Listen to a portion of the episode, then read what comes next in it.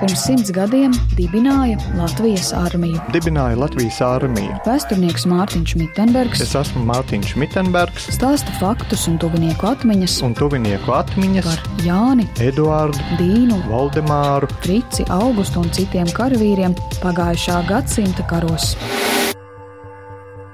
Kārlis Šnēbergs. Dzimis 1892. gadā Lubezeres pagastā. Pirms Pirmā pasaules kara vairākus gadus Kārlis strādājis Hamburgā par burtlici, vēlāk korektors un redaktors, bet sākoties Pirmajam pasaules karam devies atpakaļ uz dzimteni. Krievu armijā iesaukts 1916. gadā.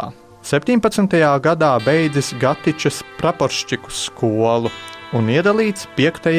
zemgales latviešu strēlnieku pulkā, kuru komandēja slavenais Jukums Vācietis.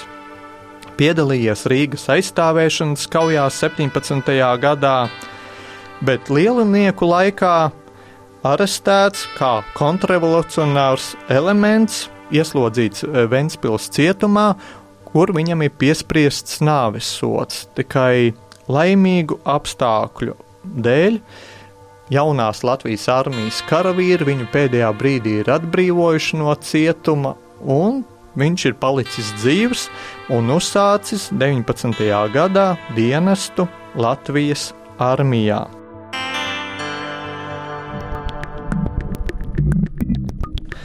Jau 19. gada novembrī atvairījis Bermudu uzbrukumus Ventspīlī un tālāk arī karojis pie Kuldīgas, kur ar 17 kareiviem devies nakts izlūgājienos, uzzinājis informāciju par bermontiešu karaspēku, tādējādi novērsis arī uzbrukuma draudus un, un sekmējis Latvijas armijas uzvaru, un par šo apstākli viņam tad ir piešķirts arī Lāčplēša kara ordenis.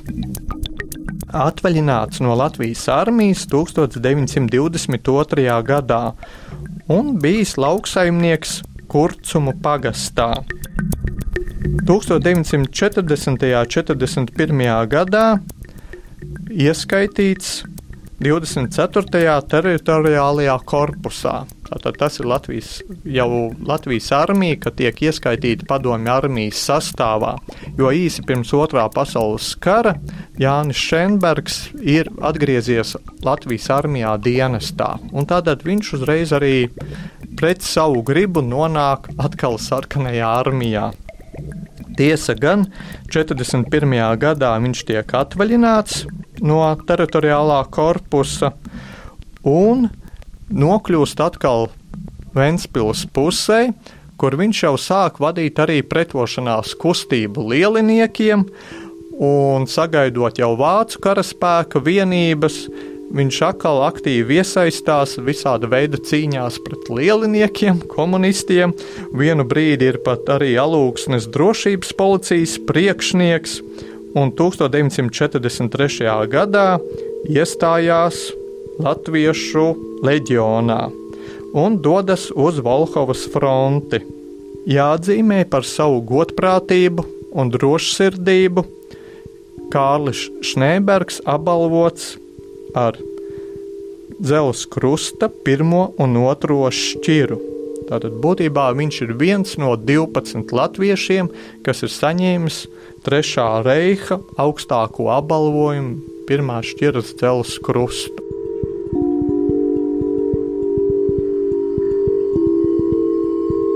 Tāda ļoti klasiska, varētu pat teikt, 20. gadsimta sākuma latviešu vīrieša dzīves gājums, jo šeit mēs redzam, ka vai nu apstākļu sakritības dēļ, vai, vai kādu citu iemeslu dēļ, viņš ir kādā brīdī bijis spiests pret savu gribu karot vienā pusē, otrā pusē, bet, bet to, ka viņš vienmēr ir palicis uzticīgs karavīra godam, virsnieku godam un arī savai tautai, to mēs redzam pēc viņa biogrāfijas. Viņš ir izaudzinājis četrus bērnus, un divi no viņa dēliem otrā pasaules karā arī piedalās aktīvā kara uh, dienestā. Un te mēs redzam arī to dzīves traģisko ironiju, jo viens no viņa dēliem karo Latviešu leģionā, otrs no dēliem tiek pret viņa gribu iesaukt sarkanajā armijā.